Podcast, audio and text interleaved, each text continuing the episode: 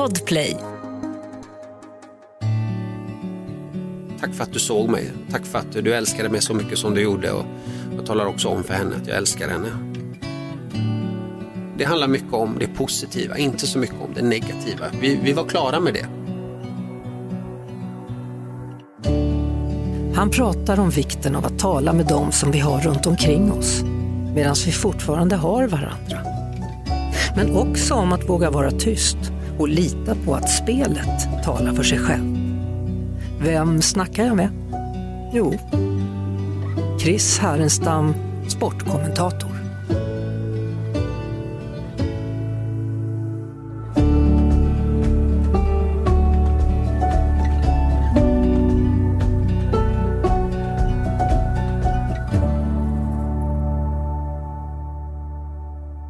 Chris Härenstam, välkommen. Åh, där hann jag dricka klart. Tack så hemskt mycket. En ynnest, en ära att få vara här. Tack så mycket själv. Du, nu närmar sig hockey-VM. Hur är känslorna? Ja, men jag är ganska så förväntansfull. Den här gången så har Sverige ett eh, lag som slår ur underläge, tillhör inte den stora favoriten utan det gör eh, Finland, värdnationen. Det är Finland och Lettland som arrangerar ishockey-VM den här gången och Finland får ett oerhört eh, starkt lag så Sverige är inte förhandsfavorit. Nej, det gick inte så bra senast hörru. Nej, jag har varit med faktiskt under ett par VM nu det inte har gått speciellt bra. Det har varit svaga resultat under de senaste åren och bland det tråkigaste jag har kommenterat var ju för ett par år sedan i Lettland, det var två år sedan, när Sverige inte ens tog sig vidare till kvartsfinal och åkte ju redan i gruppspelet och förlorade mot eh, Vitryssland nu, numera Belarus och så Danmark och vara kommentator då när du kommenterar Sverige när Sverige förlorar mot Belarus och Danmark. Det, det, finns roligare stunder. Om jag har fattat det rätt så är det Finland och Kanada då som är favoriter och de har ju dessutom varit i de tre senaste VM-finalerna. Ja, alltså en av de absolut häftigaste stunderna som jag kommenterat var 2019 i Bratislava när Finland kommer till VM med i stort sett ett lag som är fullständigt uträknat. Lotta, det var till och med så att i finländsk media press så sa man att åk inte ens till VM med det här laget för ni har absolut ingenting där att göra. Det här är, det, det är helt lönlöst. Och Finland tar sig vidare till kvartsfinalen, spöar Sverige, Sakari Manninen avgör mot Henrik Lundqvist i förlängningen. Ett Sverige då med mängder utav NHL-spelare, över 20 stycken till antalet. I semifinalen så besegrar de helt sensationellt Ryssland med Ovechkin bland annat i laget och i finalen så vänder de ett underläge mot Kanada och vinner. Så att det här är ju på något sätt ett mirakel, bokstavligt talat. Det är en av de största eh, prestationerna överhuvudtaget i ishockeyhistorien. Coolt! Är det alltid så att du håller på Sverige eller kan det vara så att du blev lite glad den där gången? Ja, men jag får den frågan ganska så ofta ifrån folk i min närhet och jag håller på Finland till 10% brukar jag säga och Sverige till 90% eftersom jag är född i Finland. Så rötterna kan inte gå ur helt och hållet. Jag ljuger om jag säger någonting annat. Men jag är ju uppväxt i Sverige, kom till Sverige när jag var 3-4 år och jag är svensk, men det finns fortfarande lite, lite känsla kvar för Finland. Det är bara så, det går inte att ta, ta bort. Jag brukar åka till Finland en gång per år och följa eh, bobollen, pesapallo som det heter på finska. Det har nästan ingen svensk aning om vad det är, det är ungefär baseball. Och så följa mitt kära lag där, Hamina. Men, men, du kan finska? Nej, jag kan inte det. Men det låter som om jag kan det, för det är många som kommer fram och säger du uttalar det så himla bra. Ja, din mamma var, var finska, ska vi säga då. Mm. En, en väldigt betydelsefull person i ditt liv? Mm, onekligen, hon gick bort eh, 2021 i september och alla ni som eh, har varit med om liknande situationer vet ju om att det, det, det är fruktansvärt, det är en del av livet men fasiken det gjorde ont, det gör ont även om eh, såren eh, läker med tiden men ärret finns kvar och det gjorde jätteont. Och jag tror det är väldigt viktigt också att låta det göra ont och prata om det. Och, eh, jag hade en period där strax efter det att hon gick bort som var oerhört tuff i mitt liv och jag trodde inte riktigt att det skulle vara så tufft och jag hade inga som helst förväntningar på det men jag föll rakt ner i, i något slags svart hål eh, mentalt och fysiskt och det var, det var oerhört tungt och jag var inte förberedd. Hur kom det upp då? Tid. Um, vi gjorde så här att um, vi tog och um, hon brändes och askan den, den, eh, den la vi i Östersjön mellan Sverige och Finland eftersom eh, hon eh, är då finska eller var finska men också har bott så många år i Sverige. Och hon ville begravas i Östersjön och den ligger ganska nära hemmet så jag pratar med henne ganska ofta. Går ut eh, till eh, den punkten som är ungefär en kilometer utanför där vi bor. Så jag kan samtala med henne och de samtalen som har varit och är med henne de har varit betydelsefulla.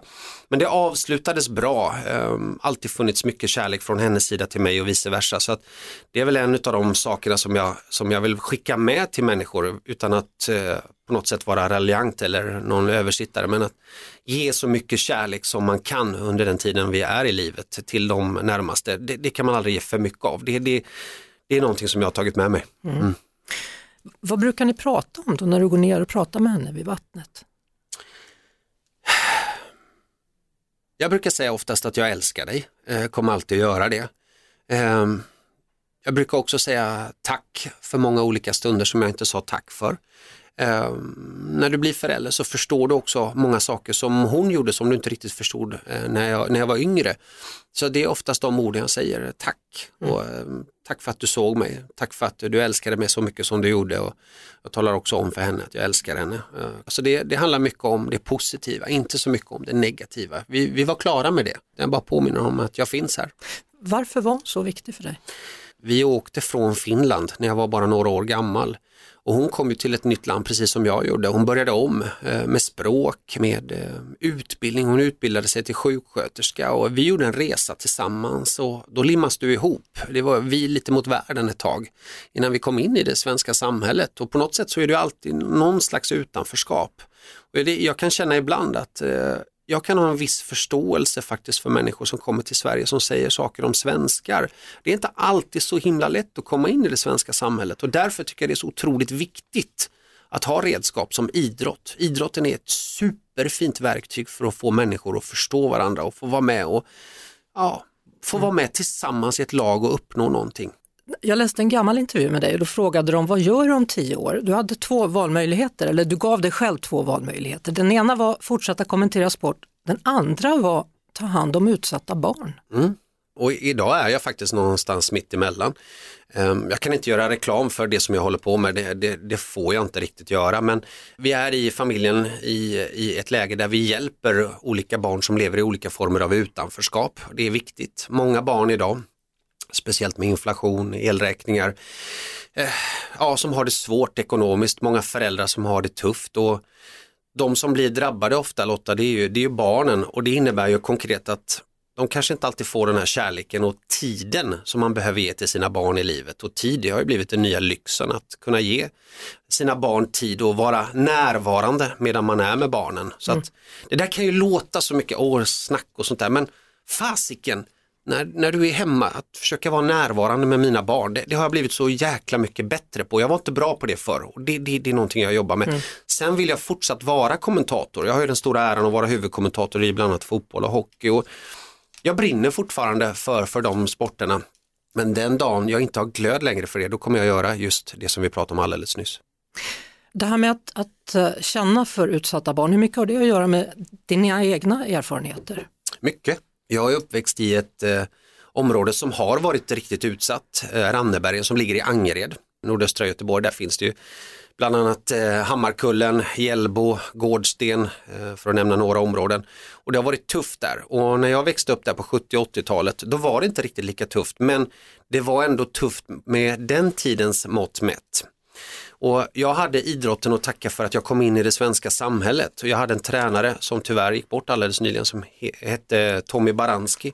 Och han tog hand om mig så att jag kunde komma in i det svenska idrottssystemet och mm. tack vare att jag hade en ledare, en person som såg mig Lotta, som såg mig, som tog hand om mig och hjälpte mig in i idrotten så förstod jag liksom vad viktigt det är att få, få vara med i ett sammanhang. Och det, det, är någonting som jag tar med mig idag som vuxen att jag vill ge andra barn den möjligheten att ha idrotten som verktyg för att bli sedd, för att vara någonting, att få vara den man är och inte bli etiketterad för det man gör, alltså mm. antalet mål du gör. utan Fasiken, du är välkommen in i idrotten. Det spelar ingen roll vem du är, om du är man, kvinna, tjej, kille, tjock, smal eller om du ser ut på ett sätt. Alla är välkomna. Du hamnade ju i det området då, tillsammans med din mamma, för ni levde innan det tillsammans med din pappa i Holland. Och det var ingen lätt verklighet eller? Vi, vi, levde en kort period. Jag vet att jag var med i en intervju med dig faktiskt för många år sedan mm. där, där jag sa att jag var född i Nederländerna. Då visste jag inte att jag inte var det. Utan det visade sig efteråt sen när jag forskade i, i min uppväxt att jag var född i Finland men vi bodde delvis en kort period i mm. Nederländerna. Men din pappa var alkoholist? Jag, jag, tror att han var det. Som ja. sagt var, eh, det var, när vi pratade om det när jag var mindre, de få gångerna så fick jag reda på att han var det.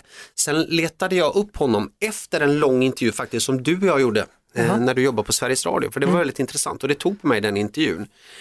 Då letade jag upp eh, min biologiska pappa och jag fick några år med honom innan han gick bort och då fick jag lära känna honom och jag tror att han hade sidor som inte var så goda och säkert var det så att han emellanåt hade sådana perioder. Men jag vet inte, men jag, min, min magkänsla säger att det säkert var så. Men jag har inte det statistiskt så att säga. Berätta om första mötet då, när du ringde på dörren. Då. När jag skulle till och träffa min biologiska pappa Henrik eh, hette han han bodde i Vanda, eh, norra delen av Helsingfors med en stor förort, ungefär som Solna i Stockholm. Och då blir det så här att min fru Malin, som stöttat mig oerhört mycket och än idag gör det, säger till mig att det är bara att gå dit, det är bara att gå dit.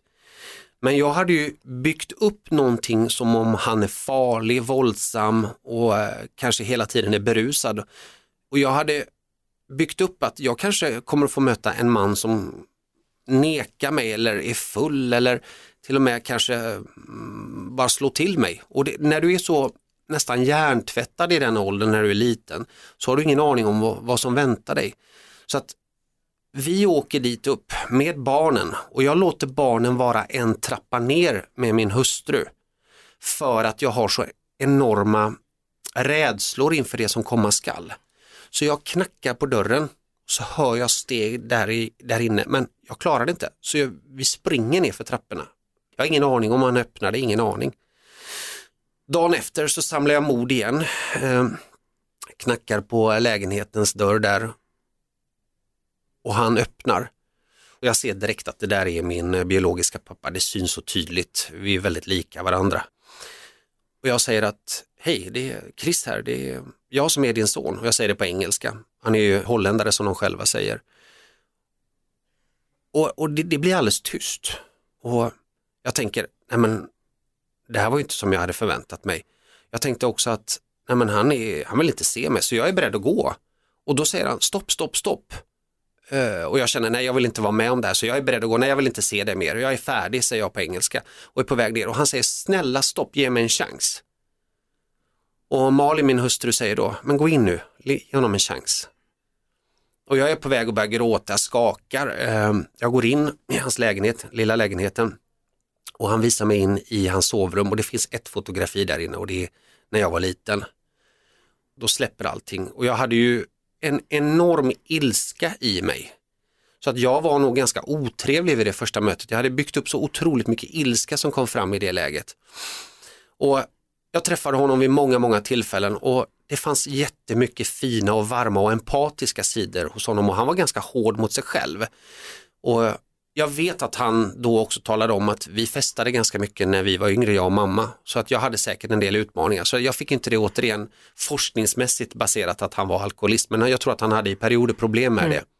Men det visade sig efteråt, och det tyckte jag var så väldigt vackert, att han sa att min mamma det var hans livs stora kärlek. Han berömde henne extremt mycket och det fanns vissa saker som han sa mindre bra om henne men han fokuserade inte speciellt mycket på det utan han berättade väldigt, väldigt fina saker.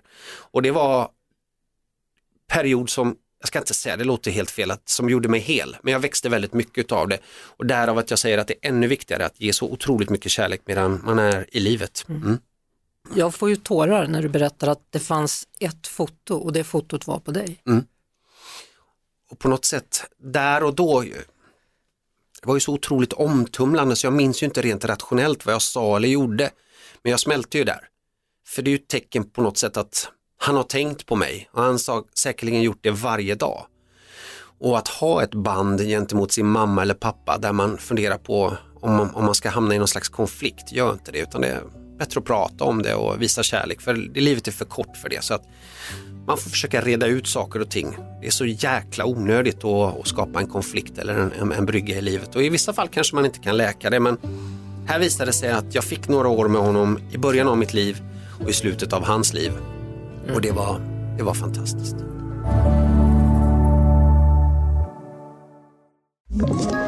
Ett poddtips från Podplay. I fallen jag aldrig glömmer djupdyker Hasse Aro i arbetet bakom några av Sveriges mest uppseendeväckande brottsutredningar. Går vi in med hemlig telefonavlyssning och, och då upplever vi att vi får en total förändring av hans beteende. Vad är det som händer nu? Vem är det som läcker? Och så säger han att jag är kriminell, jag har varit kriminell i hela mitt liv men att mörda ett barn, där går min gräns. Nya säsongen av Fallen jag aldrig glömmer på Podplay.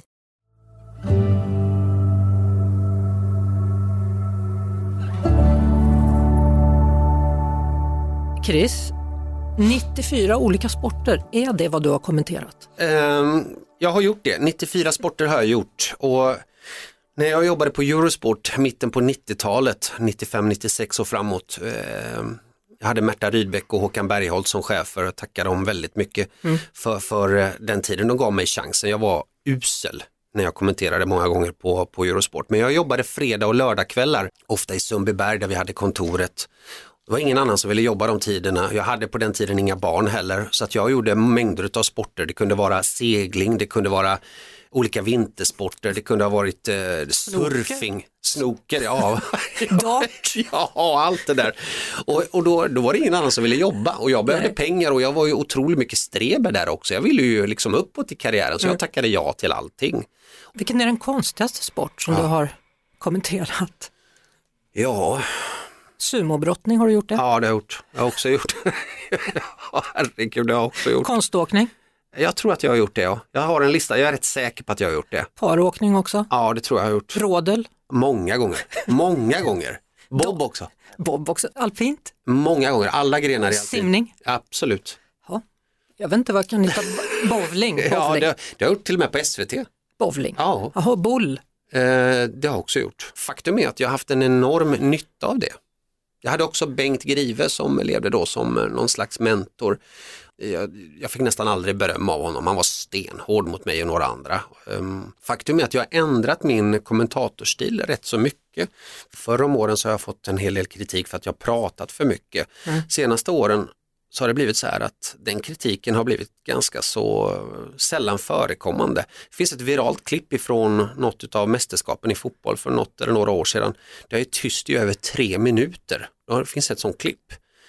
För att det händer ju ingenting, utan det är matchens händelse som styr referatet och det är samma med hockeyn att pratar inte riktigt lika mycket. Och nu i den här intervjun så är det naturligtvis så att jag ska prata så då blir det en massa prat men, men i matcherna så är det så här att det kan gå ganska långa stunder innan jag pratar och mycket av det beror på att du är så mycket tryggare i dig själv. Du bryr dig inte speciellt mycket om vad andra tycker och tänker utan det viktigaste är att jag är där för tv-tittaren och försöker att vara så objektiv och, och, och så duktig som möjligt för tv-tittaren. Jag är där för honom och henne och dem.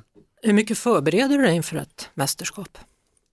Fortfarande oerhört mycket. Att vara kommentator är krävande.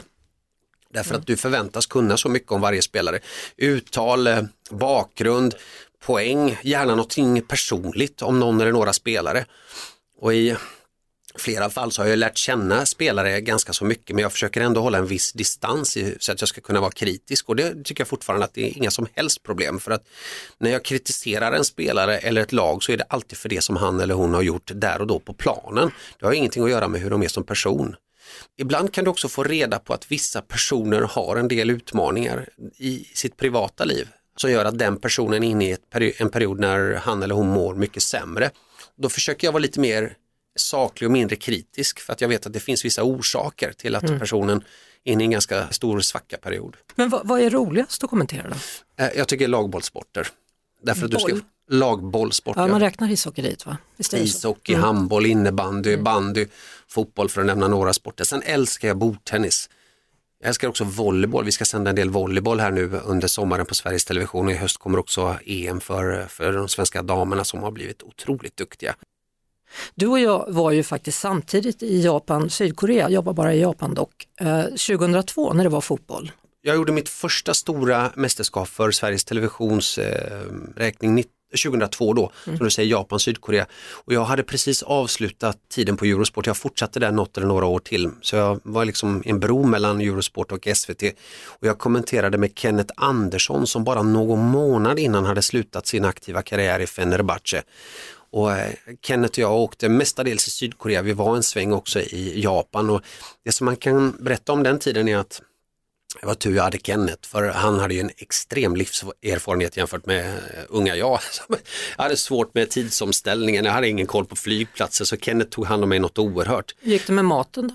Ja det gick bra, det gick jättebra. Ja. Men det är någonting som faktiskt inte många vet om och det, det vi hamnade vid ett tillfälle på ett hotell och det måste ha blivit någon total missräkning där, för det var ett hotell som var för eh, sådana som gick hem med prostituerade. Det var helt sjukt. Och det här är alltså 2002. På hotellrummet där så låg det dildos och det låg eh, VHS-band med diverse saker. Så att jag sov där tre timmar med kläderna på och ville bara åka därifrån. Det var bland det värsta jag varit med om, men det var, det var faktiskt sant. Men delade ni rum? Nej, det gjorde vi inte. Nej, var tur det då. Eller något. Ja, stackars Kenneth i så fall. Men gud, så du låg och var rädd att det skulle komma in någon ja, som ingick i priset? Ja, ja. Men vem hade bokat det här? Nej, det, det hade blivit helt fel. Ja, väldigt det, fel. Ja, det blivit väldigt fel. Men så var det ju. Någon språkförbistring antagligen. Ja. Stämmer det att du när du kom hem ringde en av dina föregångare, Arne Hägerfors, och frågade vad han tyckte? Det stämmer, jag ringde till Arne, för Arne är en sån som jag alltid har sett upp till. Jag tycker hans timing i kommenteringen alltid har varit eh, exemplarisk. Han är timingens mästare. Och, eh, jag var ju totalt sågad igen av tidningarna efter det världsmästerskapet och i den andra tidningen så var jag så otroligt rosad. Jag, blev, jag tror jag fick typ en överkorsad geting eller en etta i Expressen och så fick jag fem plus i Aftonbladet och det var ungefär så det var och på mm. den tiden så brydde jag mig om det. Och jag brydde mig väldigt mycket om också vad de här föregångarna sa så jag ringde Arne Hägerfors och han sa det att du eh, pratar alldeles för mycket och det där ska du tänka på och det var ju helt rätt han hade. Han hade helt rätt i sin eh, sakliga kritik. Men när du är i det läget så, så är det ju så här att antingen har du en chef som tror på det, som kommer att tro på det framöver, att du kommer att bli riktigt, riktigt bra.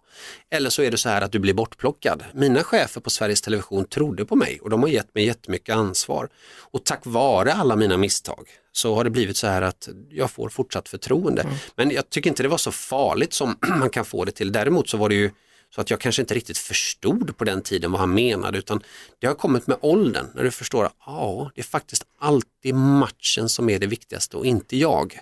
Mm. Och den tycker jag också Glenn Strömberg har eh, påpekat ganska ofta till mig i början av min karriär att det är inte du som är viktigast, det är alltid matchen. Men, men sa han det Arne, att om han hade varit chef så Nej, nej, han sa ingenting om sånt, utan han sa bara att jag pratade För det, för det är myten. Myten är att Arne Hägerfors sa till dig, hade jag varit chef så hade du fått sparken med en gång. Nej, det tror jag inte han sa, det kan jag inte erinra mig. Du har förträngt det. Ja, det har jag säkert gjort. Han kanske sa så, nej, spelar ingen roll. Det spelar ingen roll. Men det, men det är intressant ändå att du fortfarande känner att du kan växa i ditt arbete som kommentator. Men jag tycker att jag har blivit bättre på att lukta och sniffa och smaka och känna på matcherna. Och det kan ju vara 5-0 efter en halvlek i fotboll. Det finns det ingen anledning att prata så mycket i den andra halvleken. Eller så kan det vara i en VM-semifinal 2-2 med fyra minuter kvar. Jag hade den här matchen i, eh, i senaste mästerskapet mellan eh, Argentina och Nederländerna när de kvitterade på den här otroliga frisparksvarianten. Ja. Ja, helt otrolig match. Det var ju två matcher som stack ut. Det var den och så VM-finalen som var ännu bättre, som var så otroligt händelserik. Så att det, det, finns nästan inga motsvarigheter i, i närtid i VM-sammanhang. Och när du får uppleva sådana situationer, då är du exalterad, du pratar mycket, du är, du är närvarande. Men står det 5-0 och bollen går i backlinjen fram och tillbaka, då kan det vara tre minuter med tystnad, för det är alltid matchen som styr referatet. Men jag tror att det handlar om en, en slags trygghet, att bara, det spelar ingen roll om, om jag är tyst eller om jag pratar, det är matchen som styr referatet. Mm. Men du tycker fortfarande det är roligt, annars skulle du inte göra det, tänker jag. Jag tycker att det är jätteroligt att göra mästerskap. Jag har vissa dagar när jag tycker att det är tuffare att åka och göra eh, vanliga matcher. Men då handlar det om att jag tar tv-tittarens parti. Jag måste lära mig att jag gör det för honom eller henne eller dem. Och vad vill de ha reda på? Mm. Jag försöker att sätta mig in i de situationerna. Men jag ljuger om jag säger att det alltid är lika roligt. Jag önskar dig all lycka då med kommenteringen och hoppas att du får kommentera just en VM-final. Ja, det vore en ynnest. Tack så hemskt mycket Lotta för att jag fick besöka dig. Alltid, alltid trevligt, verkligen. Tack så mycket, Chris Härrestam. Förutom att verkligen ta till sig det här med att man ska prata och uttrycka sig med de människor man har runt omkring sig, de man verkligen tycker om, så bär jag också med mig från det här samtalet att idrotten har betydelse. Och kanske är idrotten ett annat sätt att förstå varandra när man inte talar samma språk. Om en vecka så är det dags för ett nytt avsnitt av podden Vem snackar med Lotta? Här på podplay.se eller i podplay-appen.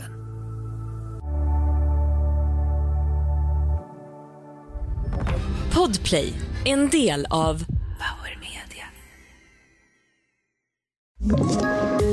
poddtips från Podplay. I fallen jag aldrig glömmer djupdyker Hasse Aro i arbetet bakom några av Sveriges mest uppseendeväckande brottsutredningar går vi in med hemlig telefonavlyssning och, och då upplever vi att vi får en total förändring av hans beteende. Vad är det som händer nu? Vem är det som läcker? Och så säger han att jag är kriminell, jag har varit kriminell i hela mitt liv men att mörda ett barn, där går min gräns. Nya säsongen av Fallen jag aldrig glömmer på Podplay.